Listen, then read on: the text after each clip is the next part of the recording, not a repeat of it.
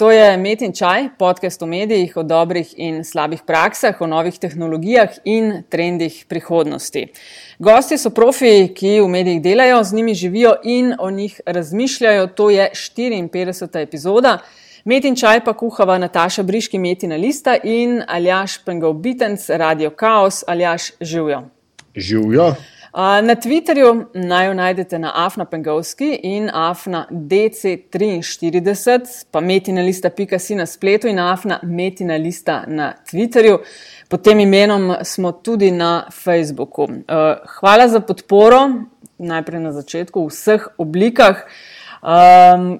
Preden nadaljujem na Aljaš prejšnjo epizodo, sva govorila s Katjo Lichtenwalner o Grčiji. In za poletne mesece velja čas kislih kumaric. Jaz, jaz imam tezo, da časa kislih kumaric, vsaj od izbruha globalne finančne, ekonomsko, gospodarske, kakršne koli krize, že ni več. In inflacija volitev pri nas, tako da že No, nekaj let. Tako, ja. Ja, ampak koliko se je spremenilo stvari, ne? v parih dneh se je spet vse iz Ja. vem, referenduma v neko drugo smer. V glavnem, kolegi, malo sem na hitro poklepetala na Twitterju z kolegoma dopisnikoma iz Brusla in uh, na škrge dihata. Ja, lej, to je tako, veš, kot smo rekli. V, v, dejansko se prehitevajo, prehitevajo se, se dogodki, eno drugega, veš, govorice postajajo fakti, oziroma se zanikajo, uh, uh, about faces se delajo obrat za 180 stopinj, ne, uh, ki pač ga je moral izvesti Aleksis Cipras. Uh, je, bo, po mojem, še tema debat uh, globoko v zimo. Ne, oziroma, bomo videli, sploh, veš, vse te teme sploh še ni konc. To so zdaj samo bili izvedeni pogoji. In niti pogojev še ni čist, zato da se sploh začnejo pogajati o tem tretjem bailoutu. Ne? Ker zdaj pač grški je svoje naredil, zdaj morata vsaj še nemški, pa finski, pa še kakšen drug zraven. Uh, tako da tega rock'n'rolla še ni konec. A, še bomo plesali sirtaki in še kaj drugega. Pa z Iranom, ne? Uh, ta dogovor uh, z Iranom je tudi pretty big thing. Ne? Ja, tam je mogoče, to po eni strani mogoče celo bolj, ne? ker tukaj mogoče ta iranska zgodba je dosti bolj zanimiva iz vidika, kaj res, mislim, veš, pogajanja. Tukaj so se pogajali deset let. Ja. A Veš, deset let so stvari bile, pa niso bile, pa v različnih postavah, pa v isti postavi. Pa tako dalje, Ampak na koncu, koncu, koncu je vendarle diplomacija, ne, da tako rečem, premagala, uh, uh, uh, to mehka sila je premagala trdo silo. Uh, uh, in se mi zdi to tako dolgoročno vsaj enako pomembno kot bom rekel, ta začetek, oziroma začetek pač še ena epizoda grške zgodbe. Juli pa tak čas kislih kumaric. Uh, da, danes bomo pa tudi, uh, danes pišem, ka vedno mal pozabim, da ni danes, da ne gremo v živo, v živo, ampak da se te epizode poslušam na mal drugačen način. No, ampak tokrat bomo v bistvu tudi o eni zelo resni stvari uh, debatirali in sicer o tem našem famoznem zakonu o medijih. Do 21. julija lahko še vedno eh, oddamo svoje predloge, kako bi lahko ta zakon izboljšali.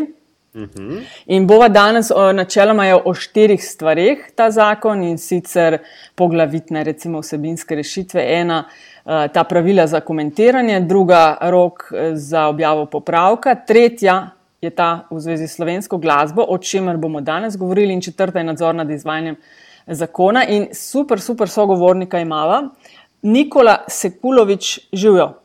Pozdravljena oba. Nikola je za tisti trije, mogoče, ki ne veste, je eden, naj, eden tistih glasbenikov v Sloveniji, ki je eh, sodeloval pri zelo, zelo vplivnih skupinah, eh, Lajbah, Demolition Group, Borgezija, Dan D. Nikola, ko poslušaš zdaj te novice v zvezi z Lajbahom in Severno Korejo, ti je kaj žal, da nisi več tam? Ja, izjemno, e, to je eden bolj zanimivih špilov, pa evo, pač mene ni zraven. Uh, me pa to rahlo spominja na zgodbo Sarajevo leta uh, 95. Pač, to so avanture, ki jih uh, je škoda spustiti, uh, ampak Bog pomaga, nimam kaj. Ne. Želim jim pa veliko sreče. Vidim, da se usulo tažen nekih komentarjev, uh, mislim pa, da, da se najbolj ob prebiranju zabavajo lajbah sami. Ni, Nikola, sorry, to, mene precili te zgodbe, veš, Severna Koreja, lajba, gore dole. Ne, kako ne bi bil to a, a, za tamkajšnje razmere politično korekten gig?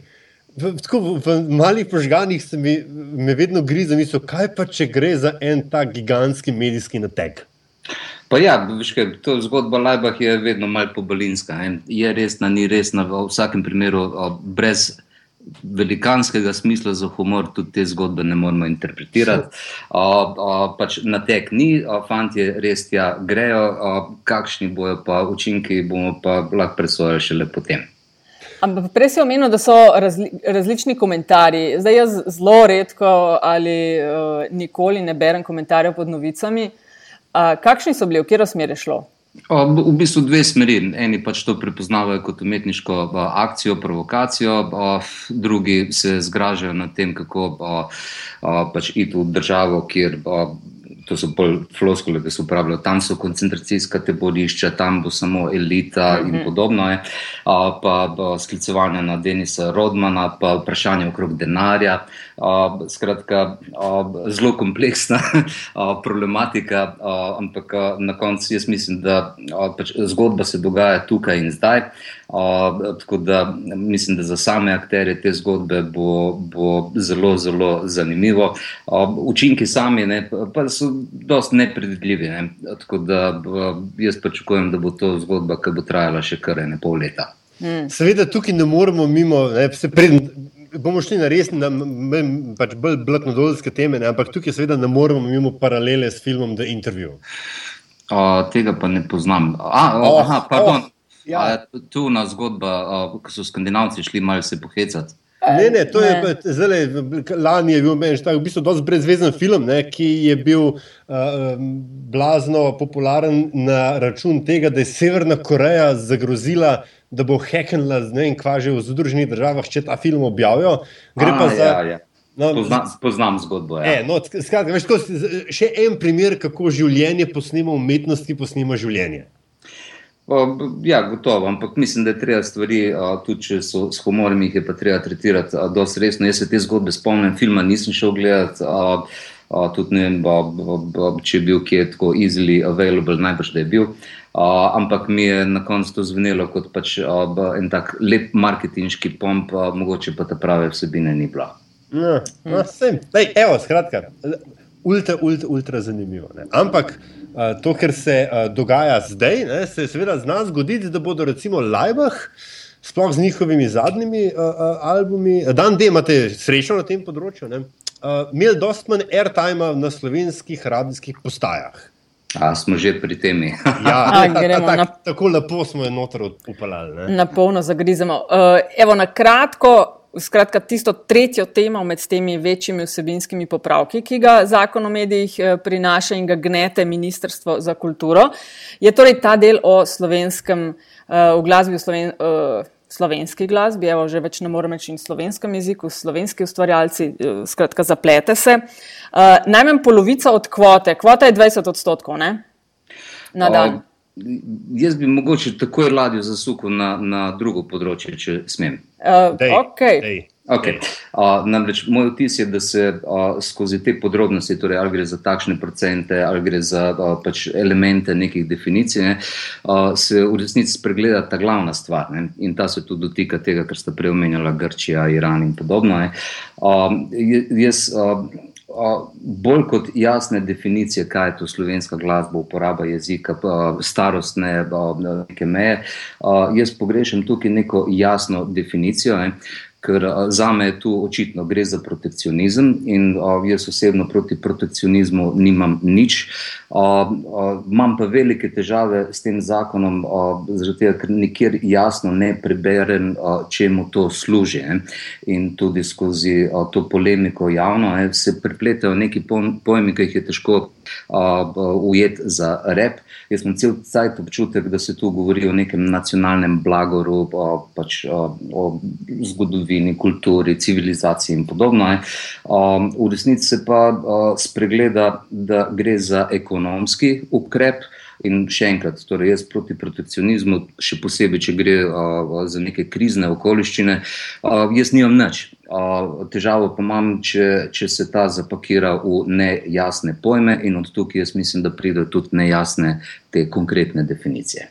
Ok, ampak kjer del Nikola Tep ni jasen, ker noter so recimo zelo matematično eh, se vsega lotili. Ne? Skratka, 20 odstotkov, zdaj bom sam prebrala v bistvu tisto, kar je noter zapisano. Eh, slovenska glasba na dan, se pravi v 24 urah, mora biti 20 odstotkov. Polovica od teh 20 odstotkov mora biti ali pa naj bi bilo po novem predvajana med 6 in 22 uro. Plus od teh desetih odstotkov, mora biti 70 odstotkov v slovenskem jeziku, četrtina predvajane glasbe med 6 in 22, te slovenske glasbe, ne sme biti starejša od dveh let in najmanj osmina, Jezus, kako so zakomplicirali, najmanj osmina od teh 50 odstotkov. Pa avtori ne smejo imeti več kot 25 let. Razložili so, da bodo s tem pomagali uh, Eh, da mi dali možnost gledalcem, da tudi v slovenskem jeziku glasbo poslušajo in s temi odstotki za mlade, tudi možnost mladim, da pridejo v prve vrste. Kaj, tem, kaj je tisto, kar tebe kle žre, moti, ne veš? Zakaj? O, torej, o, takole. Za preračunavanje same pač imamo nek kalkulator, pa pridemo do, do nekih opremljivih podatkov. Ne. Tako da ta del zgodbe meni ni problematičen. O, tudi pri, pri teh letnicah je zelo, zelo veliko paradoksov oziroma nepredvidenih situacij, ki jih pač zakon ne obravnava. Ne. Dam tipičen primer, a se govori o izvajalcih, a se govori o avtorjih. Te delčki, ki sem jih jaz pobiral, ponekod govorijo o izvajalcih, ponekod se avtorjev ne dotikajo. Tle so neki paradoksi, recimo, aha, mlajši od 25 let, a govorimo o povprečni starosti, recimo glasbene skupine a govorimo recimo o avtorju, ki je star rečemo 17 let, pa njegova dela izvajajo rečemo starejši občani. Ne. Uh, uh, tu, tu je veliko teh nekih nedoslednosti, ampak še enkrat uh, mislim, da bi uh, uh, ukvarjanje s podrobnostmi ne, zelo enostavno preskočili, če bi obstajal uh, nek jasen vsebinski okvir, ki bi uh, razjasnil nam, uh, vsem ostalim, torej in ustvarjalcem, in, in tudi uh, rečemo, slovenskemu občinstvu, čigar predstavniki bodo v parlamentu ta zakon sprejemali, ne, kakšna je vsebina. Ne. Torej, a, a s tem ščitimo nek nacionalni kontekst, a ščitimo mladost, a ščitimo jezik, a ščitimo domoljubje, neke vrednote. Ne. A, jaz mislim, da zakon s samimi temi parametri na to vprašanje ne odgovarja. Ne.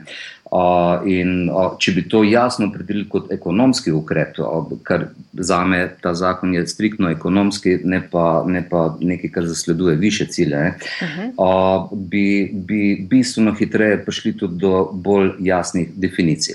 Torej, na eni strani protekcionizem, in pa potem še druga točka, ki meni v tem zakonu manjka. Je, Um, torej, mislim, da je osnovna napaka, pardon, neki napak je v pisanju zakona na, na vsebinskem področju. Najprej elektronski mediji, konkretno tukaj radio in televizija. Je, pač ta določila se nanašajo na radio in televizijo, predvsem na radio, za katerega mnogi od nas smatramo, da posebej nekaj, kar je v nacionalnem kontekstu, več ni nek gradnik nacionalne kulture bom uporabil banalno informacijo iz pop glasbe. Ne.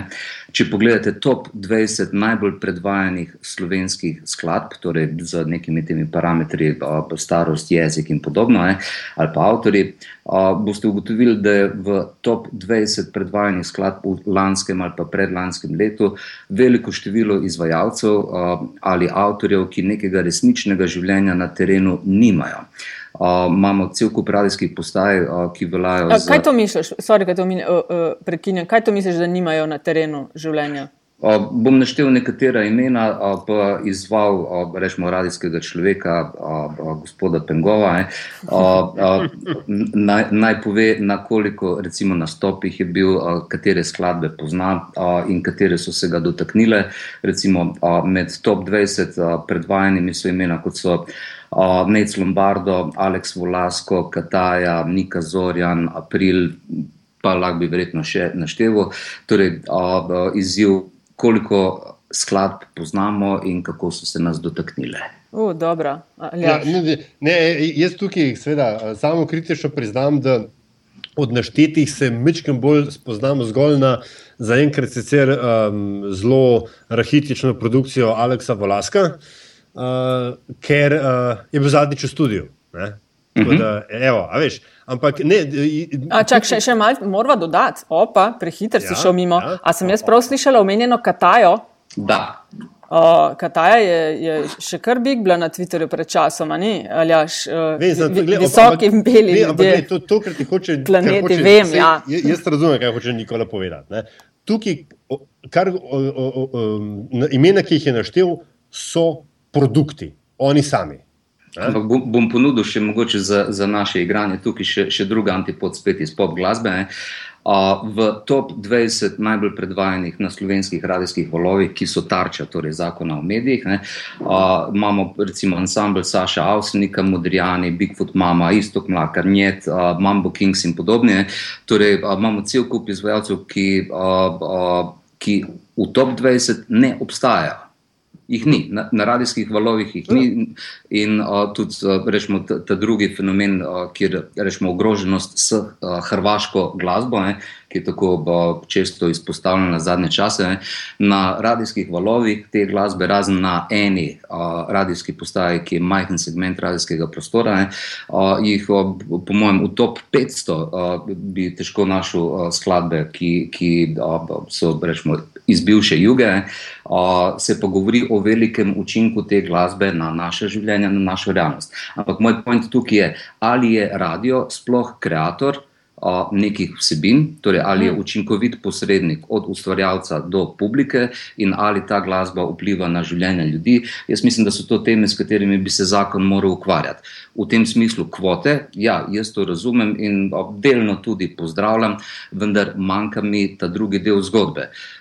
Če že zakonodajalec smatra, oziroma pripravljalec zakona smatra, da je radio tako usodno pomemben za, za neko slovensko življenje, kar jaz mislim, da ni. Ne.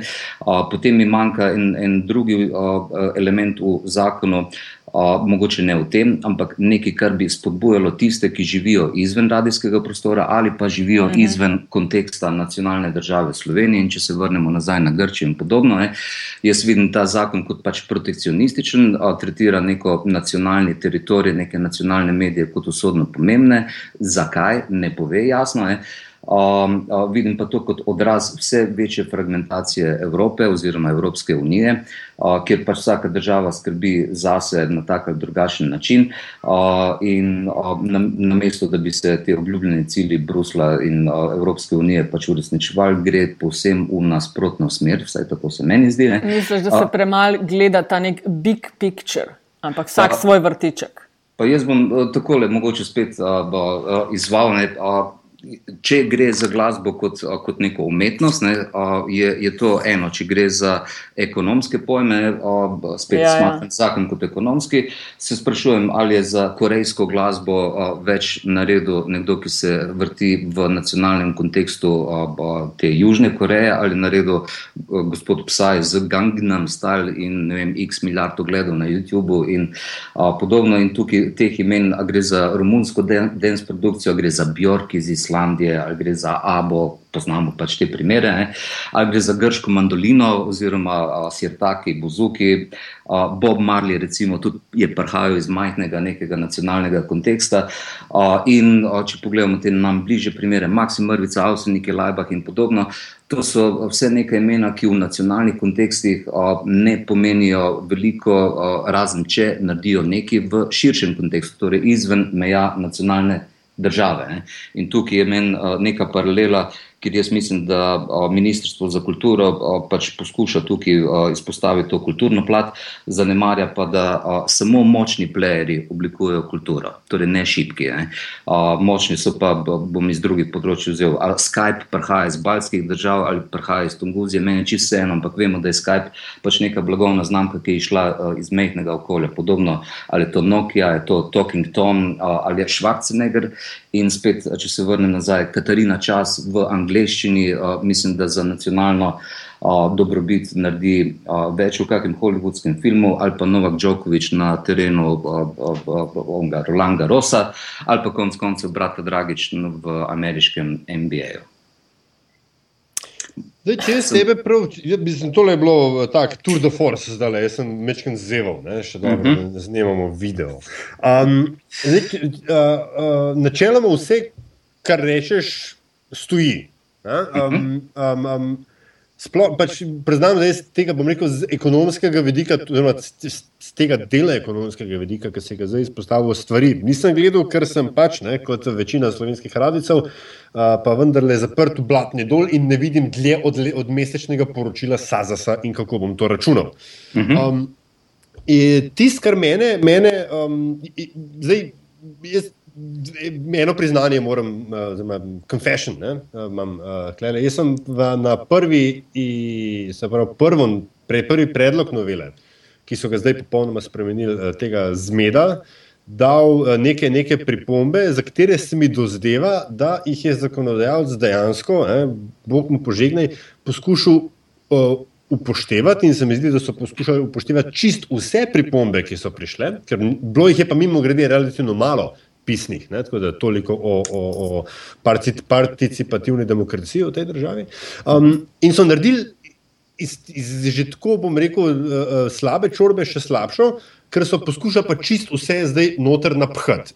Namreč te za, zakonodajalce, kot jo jaz razumem, je neka uh, predmoderna uh, uh, navezanost na slovenski jezik kot uh, edino zveličavno kulturno identiteto in da ga je treba ščititi. In to, to mislim, da to je to, kar ste nakazovali kot, kot irrelevanten argument za odnosom do hrvaške glasbe, ne? ker je res. Mislim, da je kaj radio ali aktual ali kval, ki pač više manj to, to, to zgodbo fura.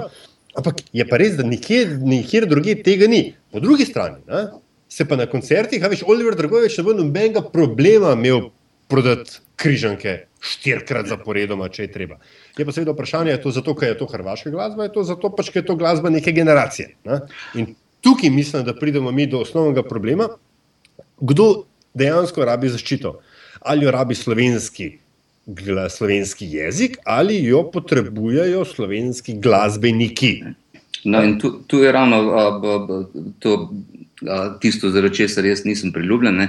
Torej, tarča je tukaj, so, so elektronski mediji, ne. torej televizija in radio, z neko domnevo, da če si na radiju, potem si zmagal. Uh, Torej, moja teza je, da radio že nekaj časa ne ustvarja več zvezd in ne ustvarja realnega življenja. Ne.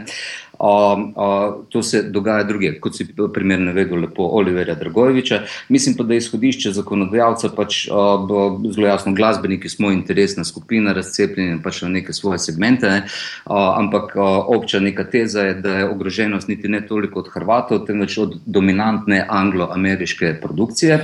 Uh, in uh, pač jaz razumem tukaj protekcionizem uh, v, v, v tem smislu, uh, pač spodbujanja neke a, lokalne produkcije, omogočanja preko komunikacijskih kanalov, da ta pride do ljudi. Bojim se pa, da je, da je a, a, vsebinsko. Je bistveno večji problem, kot je to normiranje a, teh elektronskih medijev. A, bistveno večji problem, kar poskušamo s tem v resnici doseči. Evo, bom povedal en paradoks. Ne. Ščitimo tukaj jezik, ne, ampak a, obračamo pa hrbet dejstvu, da 99% slovenske pop produkcije uporablja glasbeni izraz, ki ni avtohtono slovenski. Torej, špilamo rock and roll, dance, šanson, karkoli.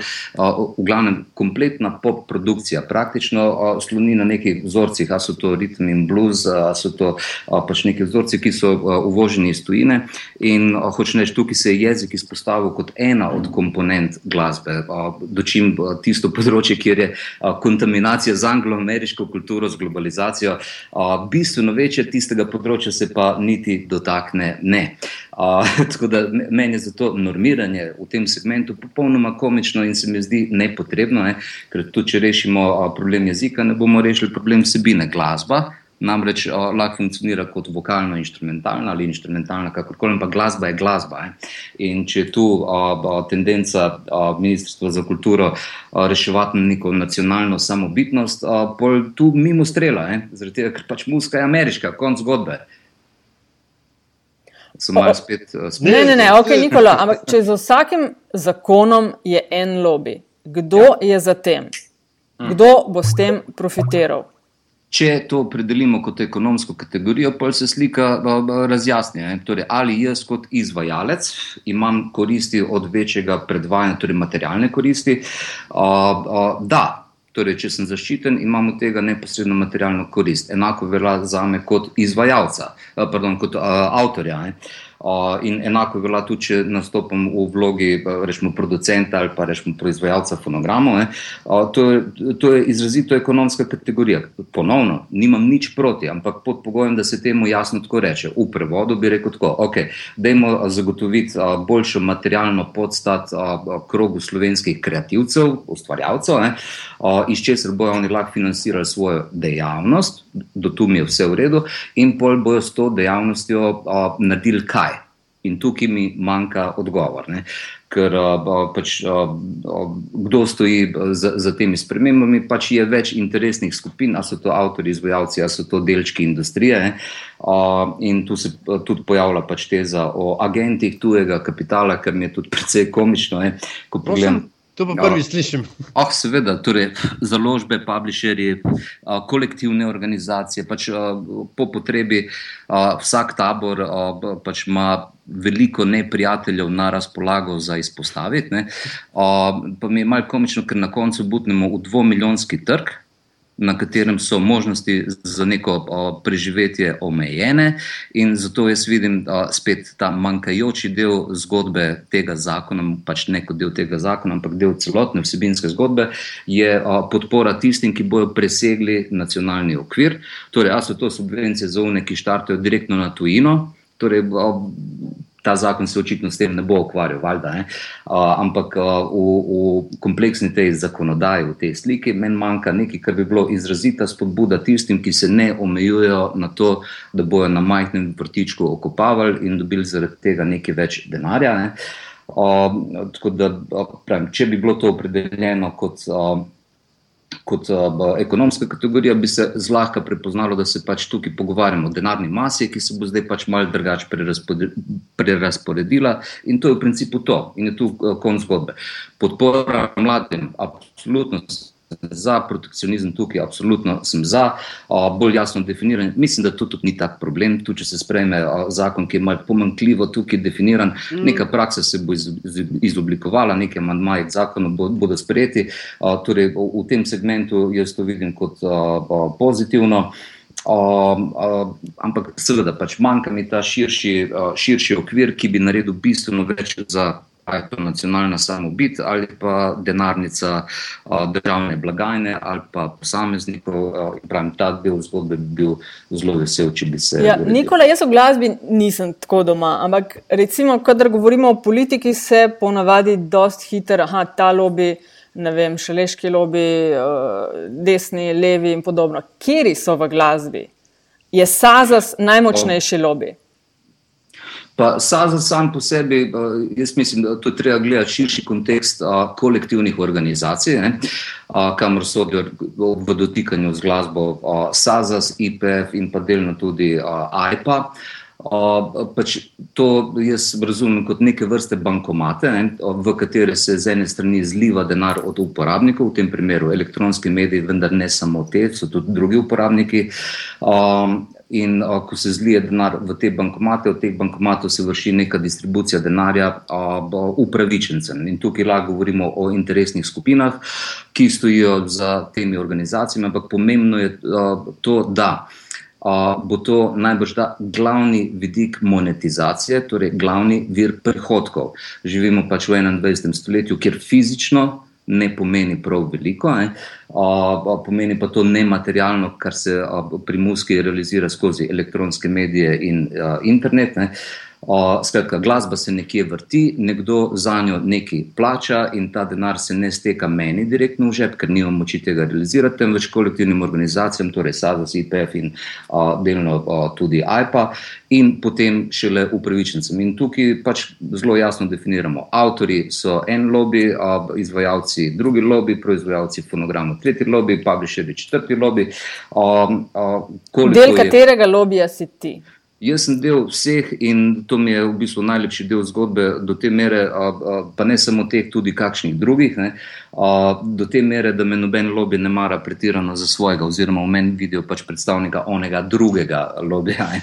Zataknjenec si. Ja, ja kamorkoli pridem, pač sem peta kolona in moram reči, da mi to kot luksus dovoljuje, da nisem del nekih plemenskih napadov iz enega tabora v drugega. Torej, poskušam razumeti eno, drugo, tretjo stran, in celo skušam razumeti uporabnike, in tudi v tem primeru skušam razumeti zakonodajalca, ampak recimo ravno tukaj mi, mi gre to stežka od rok. Um, zdaj, mi se seveda tukaj pogovarjamo o lokalnem ribniku, kjer so krapi večji in manjši. Ne? Ampak ja. uh, hkrat, uh, zdaj, zdaj bo v uh, ta ribnik prišel en sladkovodni morski pes, ki se mu reče Apple Music ali pa kakšne drugi streaming servise. Imeli smo že Deezer, ki je bil pod okriljem enega od, od, od uh, operaterjev telekomunikacijskih, ki se je pa se ni prijel tudi zaradi nekih net neutrality uh, problemov. Um, kako recimo bo po tvojem za. za uh, ali pa če sploh imamo en, en, en tak globalen streaming servis, kot je, kot, ali pa kot bo Apple Music, ne, ki, ki, ki ne bi bil market disruptive, s tako lepo slovensko besedo.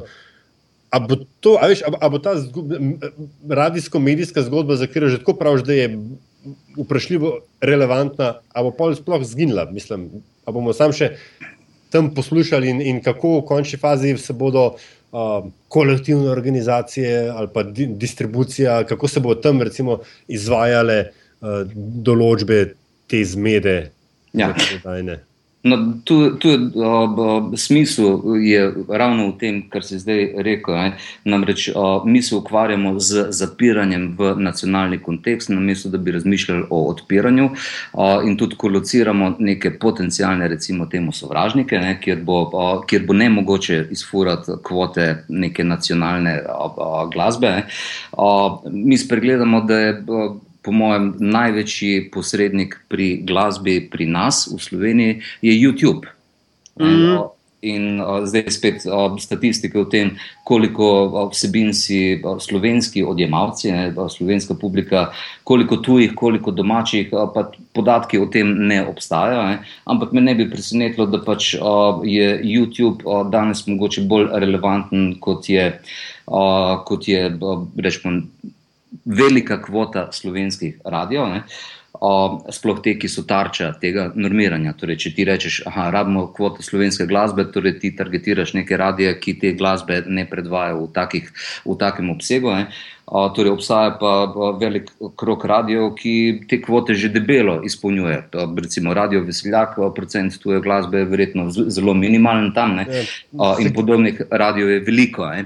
Torej, tarča so neki drugi radiji, te radiji, ravno tu je meni komično, zakaj se te radije normira, če na drugi strani ne prijatelj, ne, je že prišel v zaledje in že v zaledju rovari in podobne nečednosti počne. In to je realnost. Zato za me ta zakon ne normira realnosti, ampak normira neko podobo, neko iluzijo o tem, da, da je ta radio usodno pomemben, a, a, a za hrbtom se pa dogajajo stvari, ki so že pač del zgodbe in so že tukaj sparkirane. Okay, vprašanje. Ja, ja. izvoli, kar povej do konca. Eh, zato pravim, eh, manjkajoči člen tukaj je, eh, če se že želi izboriti neka nacionalna samobit, potem bi ta morala biti ne zaprta vase, ampak ekspanzionistična, torej morala bi se širiti na vzven. In tudi tu je en paradoks. Ne?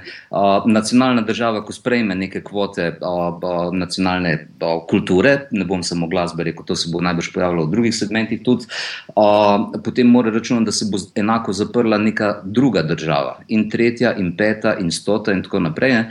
In s tem uh, pristopom se za me, sploh uh, v, v kontekstu Združenih držav Evrope, ne, uh, mi je zelo komično, ker uh, si predstavljate, pač v Franciji že veljajo kvote, ne, uh, ki jih zasedajo francoski. Avtori, izvajalci, kakorkoli so to definirali, preostanek se pa nameni komu? Slovenskim? Dvomim. Okay, vprašanje, vprašanje za vaju oba. Ne? V čem je finta, ok, zdaj so to neki restriktivni ukrepi, s katerimi želijo več slovenske glasbe, pri čemer imajo v glavnem v mislih, ne vem, slovenski jezik. V čem je finta, da se radi, eh, ne vem, to kopirajo, oziroma zakaj so ti ukrepi potrebni? Je slovenska glasba slaba? Uh, je predrago, je dražje vrteti slovenski komat kot angliški komat. V čem je finta, da te komade so do zdaj večinoma vrteli, vem, po deseti uri ali pa po polnoči. Zakaj ta upor, recimo, ok, ti kot glasbenik Nikola in ti aljaš kot lastnik radijske postaje. Meni se to na nek način zdi hecno, mislim, eh, primerjam recimo z slovenskimi nadaljevankami. Pa se pogovarjam z ljudmi, recimo mlajšimi otroci, kar je kaj v slovenskem jeziku, govorimo o nadaljevankah, požrejo vse. Uh, slovenska glasba, pa ne vem, ali ne, ali zakaj je tok ta problem. Ali imamo slabo glasbo? Ali ja, še lahko jaz začnem? Prosim, prosim. Uh, jaz mislim, da je ta uh, uh, probat spelat na dobro, slabo. Uh, to je nekaj, kar poskušajo na eni strani. Uh, predstavniki radio, torej lastnik največje komercialne radijske mreže, govori, nimate za dosti dobre glasbe, zato vas pač ne predvajamo. Okay. Po drugi strani, jasno, da se druga stran upre in reče, ne, mi imamo vrhunske izdelke in podobno. Spet spregledamo to, da komercialna radijska postaja je v lasti pač nekega kapitala in jaz mislim, da ta o, o, kapital pod pogojem, da se ne zažira v proračun, o, v največjem možnem delu pač o, upravlja svojo firmo, Bog pomaga, tako kot misli, da je najbolj pametno in če predvaja o, tujo glasbo, je ne predvaja zaradi ljubezni do o, ameriških o, komadov, ampak jo predvaja zaradi njegovega researcha, torej raziskav, ki mu kažejo, da na ta način on privleče več o, o, poslušalcev, ki ja. tako rejting, pa prenese več denarja od oglaševalcev. In to je pač uh, ekonomska kategorija, ki nima nobene zveze z nacionalno uh, dobrobitnostjo. Uh, in uh, zato uh, ta pojem. Uh, uh, Okay, pa po spela... tvojem mnenju, zakaj ni slovenske glasbe več? O, slovenske glasbe, za moj okus, je povsem zadost. Če bi pa gledal interesno, eh, torej ekonomsko, bi rekel, valjda, da imamo kvote upeljati, ker bo več canklo moj žep. Okay. Uh, in to je za, torej, dobra novica za me. Uh, ampak, uh, če gremo kvantitativno pogledati, uh, živimo v obdobju hiperprodukcije, kjer je veliko število produktov na trgu, recimo temu sklad. Ne? In tu jaz vidim pač enega od, od problemov. Uh, vsak posamezen kos te informacije, torej nekega komada, uh, pač po zakonu inflacije, če nečesa veliko, je sam po sebi malo vreden. Ne? In uh, tukaj tudi glasba se formatira, podobno kot se formatirajo radijski uh, uh, programi. In kvantitativno je zelo jasno, če imaš letno produkcijo ne vem, milijardo nekih enot v globalnem kontekstu, imaš na nekem dvomilijonskem trgu pač sorazmerno manjšo kvoto, in za me je tukaj problem v principu rešen. Predstavljate si Združene države Amerike. Ne? Torej o, o, iz Seattla, ki je neko relativno, rekel, ne največje mesto ravno v Združenih državah Amerike, ne, ampak ali lahko tam pridejo o, posamezni ustvarjalci, ki usodno vplivajo ne samo na dogajanje na domačem vrtičku, temveč tudi v Kaliforniji, pa pol še nekje druge, pa še v New Yorku, pa v ZDA in potem na celem svetu. Odgovor je da. Zakaj? Ker je miselnost odprta. Ne? In če mi ne bomo razumeli Evrope a, kot nek odprti poligon, a, pol pač a, ne bomo tudi kvantitativno sodelovali v tej igri. Torej, ali lahko nekdo iz novega mesta usodno vpliva na dogajanje v Evropi ali pa v Koreji? Moj, a, torej, po kvaliteti odgovor je jasen, da ker v naboru, rečemo, milijarde evropejcev, pa ni hudiš, da se ne bo našel še kak slovenski, ne samo glasbenik, ampak tudi, rečemo, košarkar, ne, ki bo lahko spremenil zgodovino. Zakaj pa ne? ne? Okay, ampak pa mora pač pet v angleščini. Ne? No, to je pa drugo vprašanje. Tega, če pogledamo produkte nekih drugih držav, rečemo Islandija je meni popularen primer, zakaj? ker je manjša od Slovenije. Ne? kjer ob, islandski neki ob, mednarodni zvezdniki ne rabijo pet v angleščini, pojejo v islandščini, frajeri iz Koreje, Gangnam Style, a pojejo v angleščini, niti slučajno ne. A je Magnifico imel a, potencial z a, svojo polomljeno angleščino ali celo ne angleščino razvaliti v Evropi? Pa jaz mislim, da ja. Ampak a, a, ravno tu. A, Pravim, se meni zatakne. To so ljudje, ki ne razmišljajo o nacionalnem vrtičku, ne? razmišljajo o tem, kako bodo naredili kaj več. In tega poguma, meni manjka, in protekcionizem, pač pomankanje poguma tukaj suportira. Ja, ja. ja. Paljaš, tvoj ja. odgovor, a, ti, a je cenejš za te kot lastnika radia predvajati slovenski komat ali tuj, ali je to ne, eno in isto? Mislim, Ker je recimo, veš, slovensko nadaljevanko narediti pa financirati je mnogo draže kot ja, kupiti katero koli mehiško za stotino ali pa še manj denarja in bo gledana zelo spodobno. To že, ampak potem bi moralo to vprašanje postaviti uh, založbi. A je cenejši? Skratka, tebe, kot za radio, ni. Glej, kle, kle ni. V končni okay. fazi, na koncu meseca, je, bom rekel, če govorijo čisto o, o denarju, ki ga moram jaz uh, nakazati avtorskim uh, organizacijam, je cena ista. Okay. Meni se tukaj pač več drugih um, uh, vprašanj pojavlja. Ne? Najprej, če, se, če, če začnemo od zadaj, tam, ker je uh, Nikola začel to, kar je Saj in Gangam Style naredil, je seveda res. Ne? Uh, problem je nekaj drug. Mislim, problem. Zanimivost je, je nekaj drugega. To je prvi neangliško govoreči komat, ki je prišel na US Top 40 od leta 1989 dalje. Ergo, uh, pač bril, imamo dobre primere, vendar so zelo redki in, in pač na zelo dolge intervale. Ne? Tako da na eni strani dominacija angliškega jezika v globalni glasbeni sceni je. Um, mislim, da se to ne, ne da zanikati.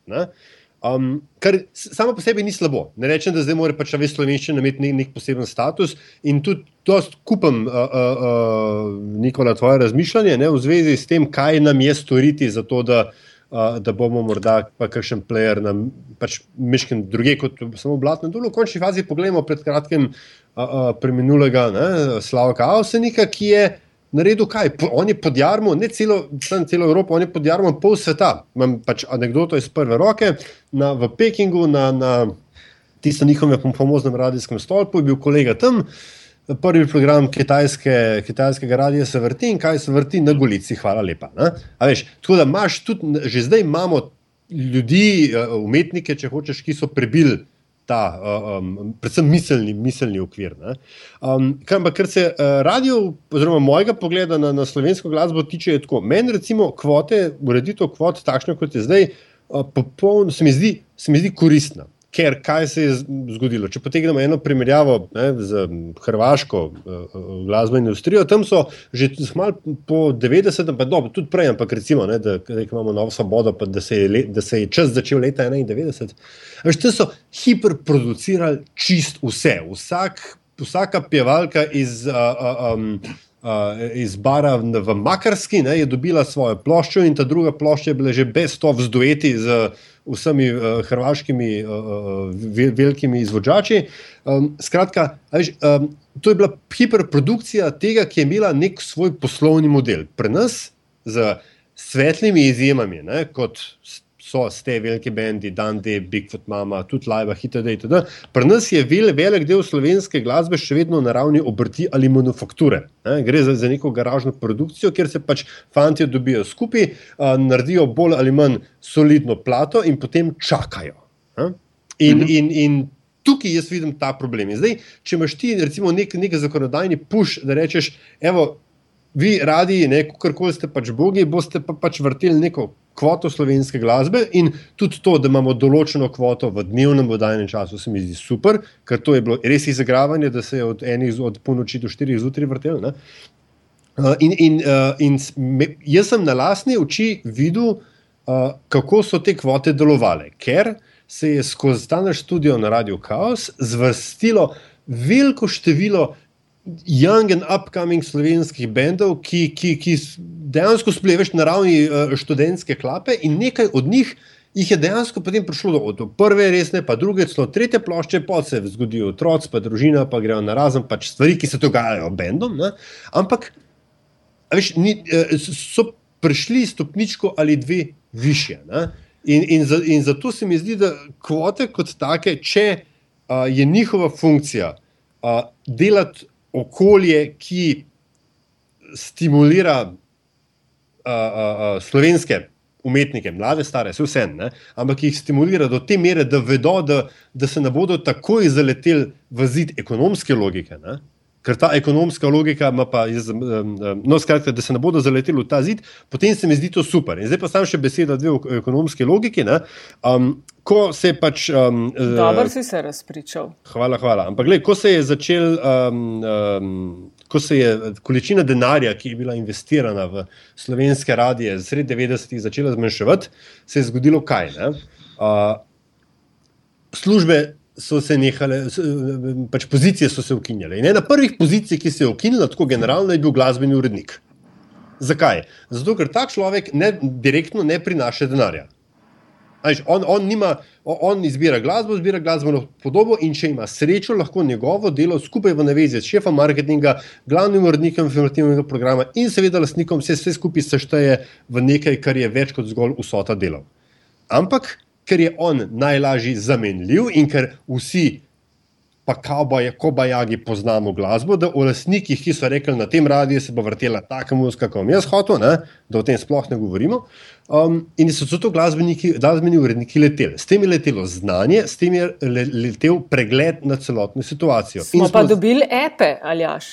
Epe, ki si vtipkal, hočem, ne vem, med eno draga in moja, med, 70. Draga moja, med, med, med, med, med uh, uh, med iztrebljenjem glasbenih urednikov ja. in digitalizacijo predvajanja glasbe, ne, yeah. je tako rekoč desetletje minilo. In v tem, v tem desetletju je glasbena podoba ali pa, in, ali pa inteligentna glasbena podoba komercialnih radijskih, ki postaje izginila. Ne? In posebej pa zdaj dogaja kaj. Seveda ima štiri se ne dela ga samo oblak in njegov radio ena ali info, ali kako se temu zdaj reče mreža. Delajo tudi radio, radio center, pa dela ga mreža Salomon, pa, tako dalje. So radio SI, se mi zdi, da neke svoje te, iz, um, um, svetovalce iz Nemčije vlečejo, ne?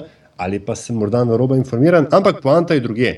Poanta je v tem, da če daš ti ljudem v 20-minutni anketi 40 komadov za poslušati, in potem na podlagi uh, uh, zelo oskega vzorca 40 komadov ugotavljaš, kaj ljudem paše, potem se boš ujel v začaran krok povprečnosti.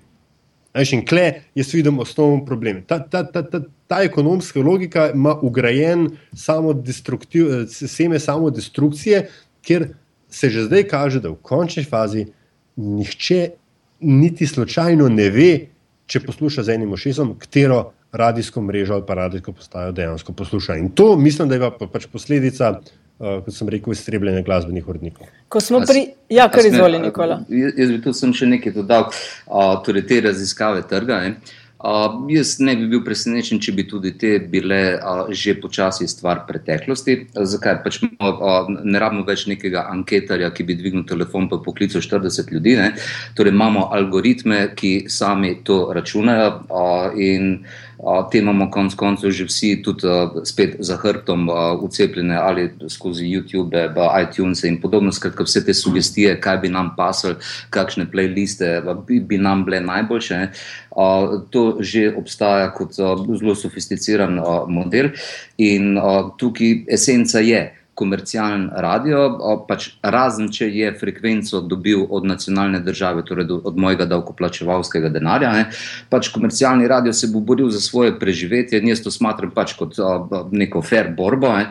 Uh, torej, uh, ker meni to ne paše, on mu paše, in pač tu se bo nekaj klofutala. Ne. Uh, zdaj pa, uh, rad bi se še na uno malo prej uh, nadovezal, ker si, ker si načel zelo dobro. Uh, Še enkrat, jaz proti protekcionizmu nimam a, nič pod pogojem, da se mu reče protekcionizem in da se jasno opredelijo cilji. In cilji za me so tukaj a, zelo jasni.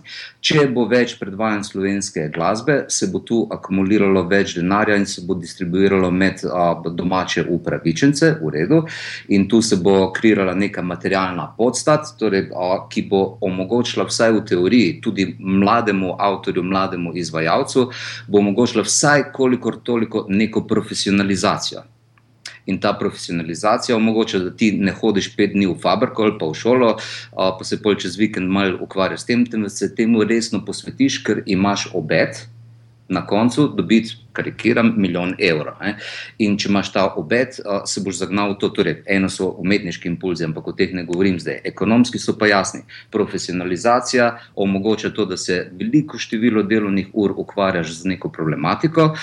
Če imaš materialno neko podstat, to pomeni, da lahko investiraš ne samo v proizvodna sredstva, na pa smo pri Karlu Marksu spet. Ja, to vidim. Tako, in potem, če imaš proizvodna sredstva, lahko denar investiraš tudi v komunikacijske kanale torej kako muziko pripeljati do ljudi.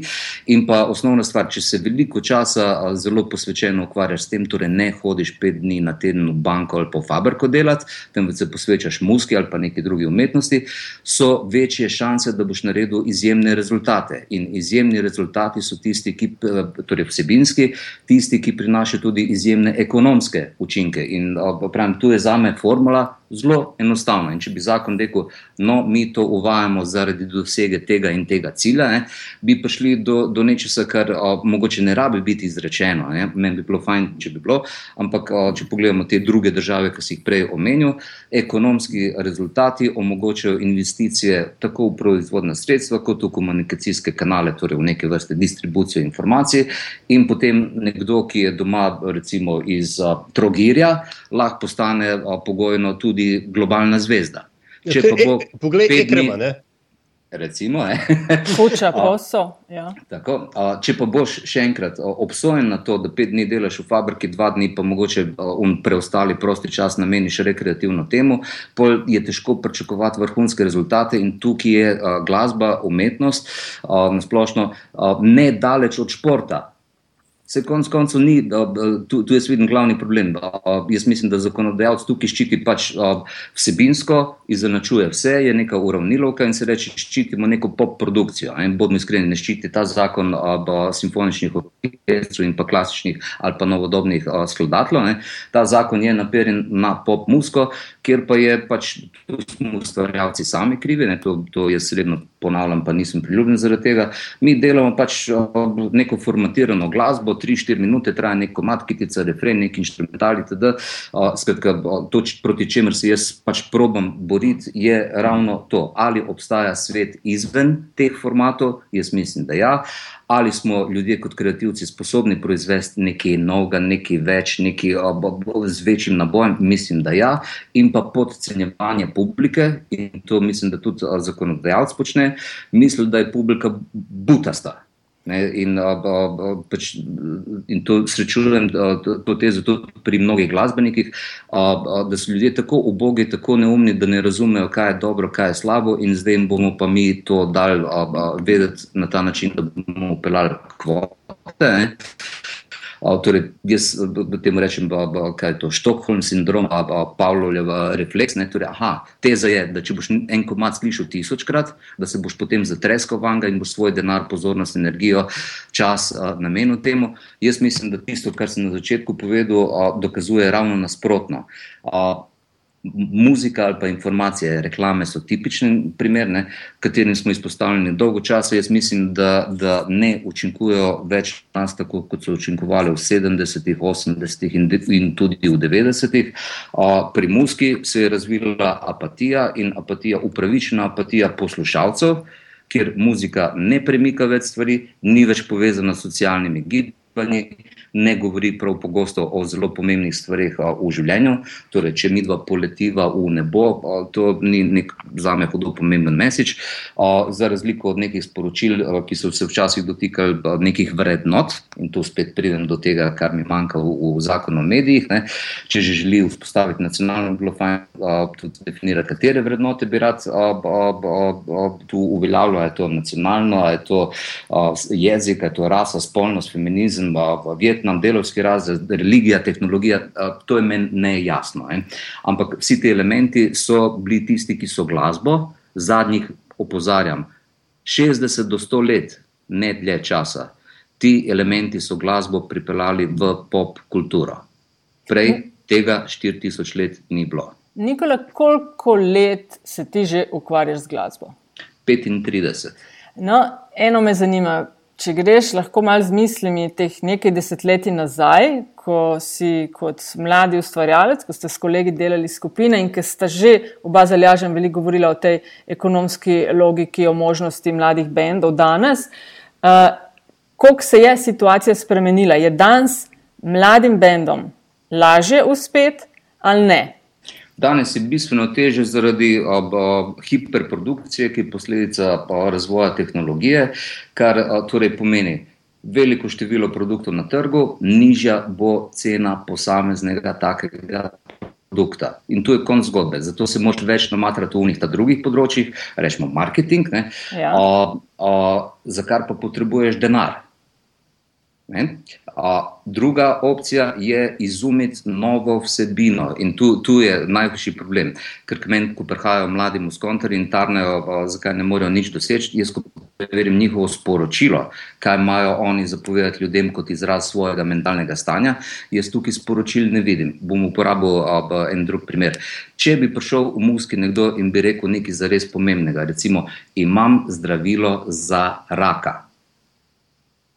Torej, v tem primeru jaz mislim, da ne potrebuje veliko investicij v a, trženje svojega produkta. Imam zdravilo za raka, je močno sporočilo. Tako kot je vem, Chuck Berry, a, a, 60 let nazaj, vzel kitaro in skozi kitaro v resnici povedal neke druge stvari. Povedal je, da je črnc v okolju, ki tega ni blazno cenilo.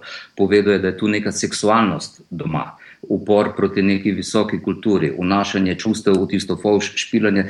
To so vse neki, to so sporočila, ki so bila pomembna v tistem času. Ne.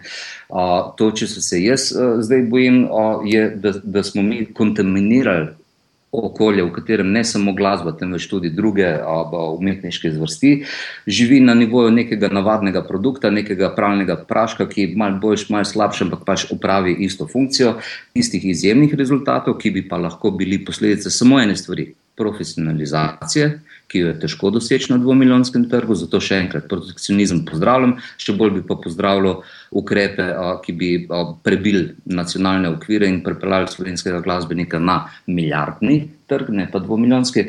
Torej, profesionalizacija omogoča izjemna sporočila. In o, to je trdo delo. Pri nas še vedno, jaz mislim, da je neko kolektivno nezavedno ta nacionalni mit, da, da more umetnik biti rahlo okajen, pa da mora v, v bogih delovnih pogojih ob sveči, nekje brez radiatorja, po zimi, brez klime, poleti, čakati na inspiracijo, bo pa šla, ne bo. To, to se mi zdi tako. 19. stoletje je pač neka romantična podoba umetnika. Ne. Spregledamo to, da najboljše rezultate proizvajajo tisti, ki delajo največ. Torej, lahko se komu tudi userje po domače, ampak se mu bo ustralo enkrat, dvakrat, pa nikoli več. Konstantne rezultate pa pač proizvajajo profesionalci. In tu jaz vidim pač smisel tega zakona pod pogojem, da bi to na tak način opredelil. A, lahko Ups, gremo. Tišel, zdaj, ne, ne, ne, ne, ne, se poslušamo. Lahko gremo, kaj bi še klele lahko dodali, lahko mogoče se mal eh, dotaknemo tudi medijske situacije dan za glasbenike. Ali bi klele okrog tega zakona vidva mislite, da še nujno je kaj zapovedati, kar nismo, oziroma kar velja izpostaviti? No, no, jaz mislim, da smo že kar veliko povedali. No. V končni fazi je, je tale uh, zorni kot res mislim, meni je super, da se z Nikolo pogovarjamo, ker se mi zdi, da z večino drugih potencialnih sogovornikov bi se pač vrtel okoli absurdnosti odstotkov. To, to mi je tako dosti super. Predvsem to, ja, veš, da, konč, da, da resnično je, je uh, dost uh, samo omejujoče uh, misliti, da je ta ribnik, ki ga imamo tukaj, edini, ki obstaja. Sem mm. to. Nikola, ampak eh, ko sem spremljala te debate o tej slovenski glasbi in samem zakonu o medijih v tem delu eh, slovenske glasbe, te pa nisem zasledila eh, na oddajah. To pomeni, da te niso nič vabili ali nisi hotel nastopati ali ti formati to vrstnih razprav niso pri srcu. O, torej, vabljen sem bil tudi v tisto najbolj škandalozno oddajo. O, Katera oddaja je to? V zadnjih um, na Pop TV-ju, kot mesec, dva ha, nazaj. Epilog Maja, e, ki je bil Sasas. Ja, okay. Tako, Maja. Uh, torej, jaz sem tu neko jasno izhodišče, sem se, sem se naučil, da bitke, v katerih ne morem zmagati, uh, v, v teh ne bom sodeloval. Ziharaš se. Uh, Absolutno ziharaš, ker se mi zdi zapravljanje časa. In, a, a, ravno zato mi je toliko bolje se z vama pogovarjati. Zakaj? Ker nekatere stvari na Šit, svetu. To ni bo... dober mesec, ali aš premagal naj bo. Ne, ne, ne, ne. ne. čak da končam. Vse vem, no, ajde. Ja. Nekatere stvari na svetu žal niso enostavne. In, in, Zadnjih pet let je totalna groza. Namreč to, kar ugotavljam tudi pri sebi, ne, jaz si moram poenostaviti življenje, če želim preživeti. Količina informacij, ki jih prebavim na, na tisoče možnih načinov, je absolutno prevelika in moram poenostavljati. Spregledam pri tem, da pa pač Bog pomaga, nekatere stvari niso enostavne. In v formatu, kot, kot je pač tri, urna, pardon, tri minutna izjava znotraj eno urne oddaje, v teh treh minutah moraš biti hudičevo sposoben skoncentrirati svoje misli v parole in te parole spet škodijo temu, da vidimo, da so stvari bistveno bolj kompleksne. Torej, za me glasba je enako del zgodbe o, preko ste rekla, uh, Grčija, Iran, uh, Severna Koreja ali pa islamska država je pač del nekega globalnega dogajanja in tukaj znotraj je en posameznik, ne, ki poskuša razvozlati to realnost, ki pač ni enostavna in tega v treh minutah, pač, Bog pomaga, jaz ne znam povedati. Ne. O, v tem daljšem formatu so govorniki, ki tudi malo znajo sprovocirati, mi je to bistveno lažje. Upam, sem, da ima ta publiko, ki bo to lahko prebavila. Ne, oh, ne podcenjuj publike, prosim. Ja. Ne. No, uh, Hvala sem vse. Ja. Ja. Mislim, da se čas mečken izteka, pa eh, tudi eh, čutim povezavo, da biti mečken uhajajo. Da... Veš, kaj bi sam to bi me zanimalo? No? Eh, medijska situacija danes za glasbenike, Nikola. Tako, kot si prej rekel, konkurenca je precejšna, ponudbe je veliko, ni nujno, da gre za kvalitetno, ampak več je tega. Ne? Ampak za prostor v medijih, časopisu, radio, televiziji se moraš zdaj boriti z mnogo več subjekti kot pred desetletjem ali dvema. Kakšna je tvoja izkušnja? Jaz se spomnim prvih let, ko sem delala na radiju, eh, na radiju Univox je bilo to, smo bili dve desetletji nazaj, recimo, eh, zelo veseli, kadar je en bend eh, izdal kakšno plato in zelo veseli, če so prišli to k nam predstavljati. Ne vem, če je temu danes tako, če, ne, če te ne vprašajo najprej, da si pripravljen plačati, da te sploh vzamejo. Ne vem, tvoja izkušnja. Tako, vsi ti sistemi so adijo, konc zgodbe. Ne? In uh, tudi jaz mislim, da če se uh, mi, umetniki, uh, ne bomo prilagodili uh, nekemu sodobnemu svetu, kjer je ključna stvar vsi imamo, tako mi kot publika, imamo omejeno količino časa, energije, pozornosti in tudi denarja. Torej, če ne bomo tega razumeli, bolj streljamo v prazno. Še vedno jaz mislim, da umetnik na katerem koli področju mora izražati, on ima ta impuls iz sebe spraviti neko svoje mentalno stanje, ga materializirati in želi skozi to delo svoje komunicirati z zunanjim svetom. Po mojem, se to ne bo več delalo preko radio, ne bo se delalo preko televizij, ne bo se delalo več, več preko tiskanih medij, medijev in tudi internet sam s svojo to neko segmentacijo pač se bo najbrž da preoblikoval. V glavnem. Skratka, je drugače, kot je včasih bilo. A je mogoče, ker ste vi ker je dan D bend velikega kalibra. A je vam kaj lažje, so kaj bolj spoštljivi do vas, ali gre bolj za attitude, se nas itak rabite, pa morate vse na pladno prenesti? Ja. Uh, nam je lažje zaradi pač neke kredibilnosti, zgodovine in neke, nekega prepričanja ali pa iluzije, da mi sabo, ko prinesemo nek nov posnetek temu radiju, temu mediju, prinesemo tudi kos svoje publike. Torej, jaz mislim, da je ta zgodba zlagana oziroma tudi, če vsaj delno drži, je, jo je težko podkrepiti z, z resnim raziskovanjem. Ne. V resnici moje delovanje vsaj zadnjih pet let je jasno fokusirano na drugo stvar. Bolj, ko bo pomembno sporočilo, a najprej mora biti pomembno meni. Bolj, ko bo pomembno sporočilo, manj se bo treba matrati skozi medije, ker zgodba v resnici ni nič drugačna. Na eni strani je nek kreativc, na drugi strani je nek odjemalec. In tudi v obdobju dvosmernih komunikacij, kjer je odjemalec tudi kreativc, on je pa tudi uporabnik itd. V konkretnem primeru pride na relacijo jaz nekaj povem, a me ima kdo za poslušati in včasih živi zid, med kreativcem in publiko, recimo, da je bil radio, televizija, lastnik kluba ali pa organizator festivala. Ne. Danes je tudi število posrednikov bistveno večje. Torej, ali je to Google, ki te bo uvrstil, ali pa ne v, v iskalnikih med svoje zadetke, uh, YouTube, Spotify, Deezer, ali prideš not v obtok, ali sodeluješ v tej igri. Torej, poleg uh, vseh obstoječih konvencionalnih medijev, torej, vse večje število je tudi posrednikov, torej ta živi zid se samo povišuje. In na drugi strani je vse več ustvarjalcev, ki želi svoj mesič povedati, in na drugi strani je pa publika, ki je že zmatrana. In seveda je zmatrana zakaj? Ker ne dobi pomembnih sporočil. Zato je moje. moje dobi veliko pofla in, ne, in ne more med Tako. zrnjem in plev zares več najti energijo, da to loči. To, to, in zato je za me formula enostavna. Bolj ko bo pomembno sporočilo, uh, treba je trdo garati, da ugotoviš, kaj je tebi sploh pomembno. Uh, ampak bolj ko je pomembno, manj uh, bo truda potrebno za recimo temu trženje uh, te informacije. Ne? In obratno, če nekdo pride s sporočilom, ki samo po sebi ni pomembno, uh, bo moral tržiti na neke druge načine, bolj uneto. In tipičen primer so, uh, je zunanja pojavnost če pride bend in, in reče, kako bi imel večje število klikov na YouTube. Jaz rečem zelo enostavno. Bi par bab v video, torej nared po movie, pa bo imel zadostno število, torej kvantiteto boš imel takoj doseženo. Uh, ampak, a si dosegel prave ljudi s svojim sporočilom? To je ključno vprašanje in mislim, da, da pač tu se vrtimo te vcajt okrog komunikacije, kdo komu kaj povedati uh, in ali je um to sposoben še prebaviti. In vprašanje Nikola za konec podcasta, vprašanje, ki, ga, ki je enako vsem sogovornikom. Uh, eno zanimivost nam vedno povejo, nekaj, tell me something I don't know.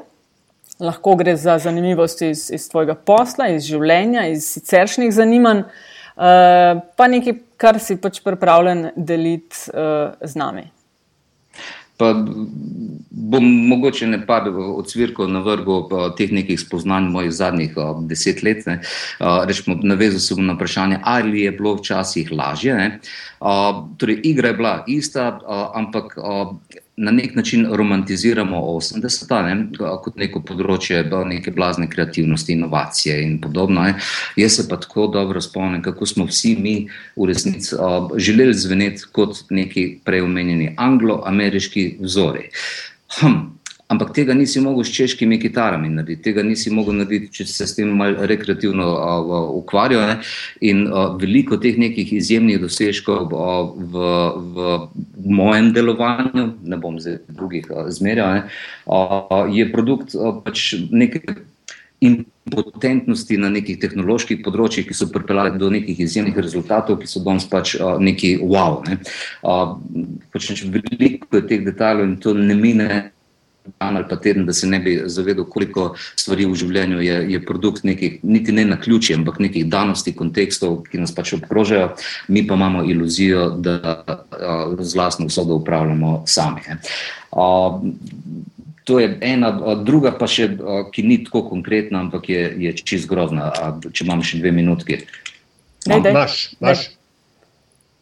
Kaj povej? Okay. 4000 let pis 4000 let pisane zgodovine in zadnjih 60 uh, let pop glasbe, kot jo poznamo z nekim rock and rollom in podobno. Uh, uh, veš, če sem najbolj grozil, to sem se zavedel lani, enkrat izjutraj. Uh, takrat, ko sem se začel ukvarjati uh, z, z tem nekim rock and rollom, meni se je zdelo res, da to obstaja od nekdaj. In zdaj, ko pogledam malo bolj objektivno, takrat, ko sem se začel ukvarjati, recimo leta 80, je od neke začetne točke uh, minilo borih 25 let nič. Bitli so se meni zdeli že zdavno mrtvi, nek stvar zgodovine, nekje ali spresli, brez veze. Uh, Bori 25 let, od takrat do danes je minilo 35 let, torej več uh, časa sem zdaj že not, kot uh, prej, ker nisem vedel, da to obstaja. Ne?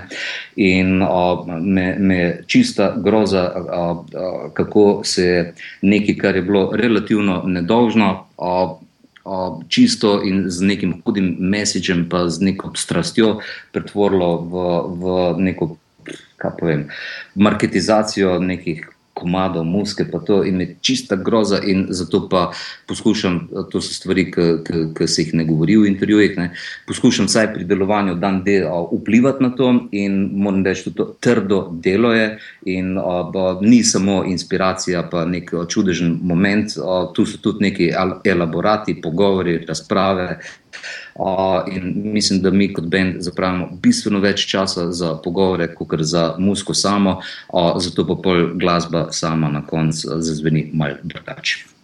Krasen zaključek. Nikola Sekulovič, fulti hvala, uh, ker si se z nami pogovarjal o tem zakonu o medijih in slovenski glasbi. Hvala, hvala da ste se žrtvovali. ne, ni, ta je bila zelo fajn, da žrtvo. Še več takšnih. Uh, Um, torej, to je bil Metin Čaj, 54. epizoda. Uh, pišete nam lahko na infoafnametina.com, na afnametina.com oziroma afnapengovski in afnadc43 na Twitterju. Uh, hvala za vaše komentarje, za pripombe, za investicije v to, da je meta vedno sveža. Ali ja, še ti kaj? Um, ne, to je to super, je bilo. Um, zna biti, da bo tale odmeval dlje kot samo od uh, publike podcasta Made in China. Okay, hvala, Nikola. Čau. Hvala. Čau.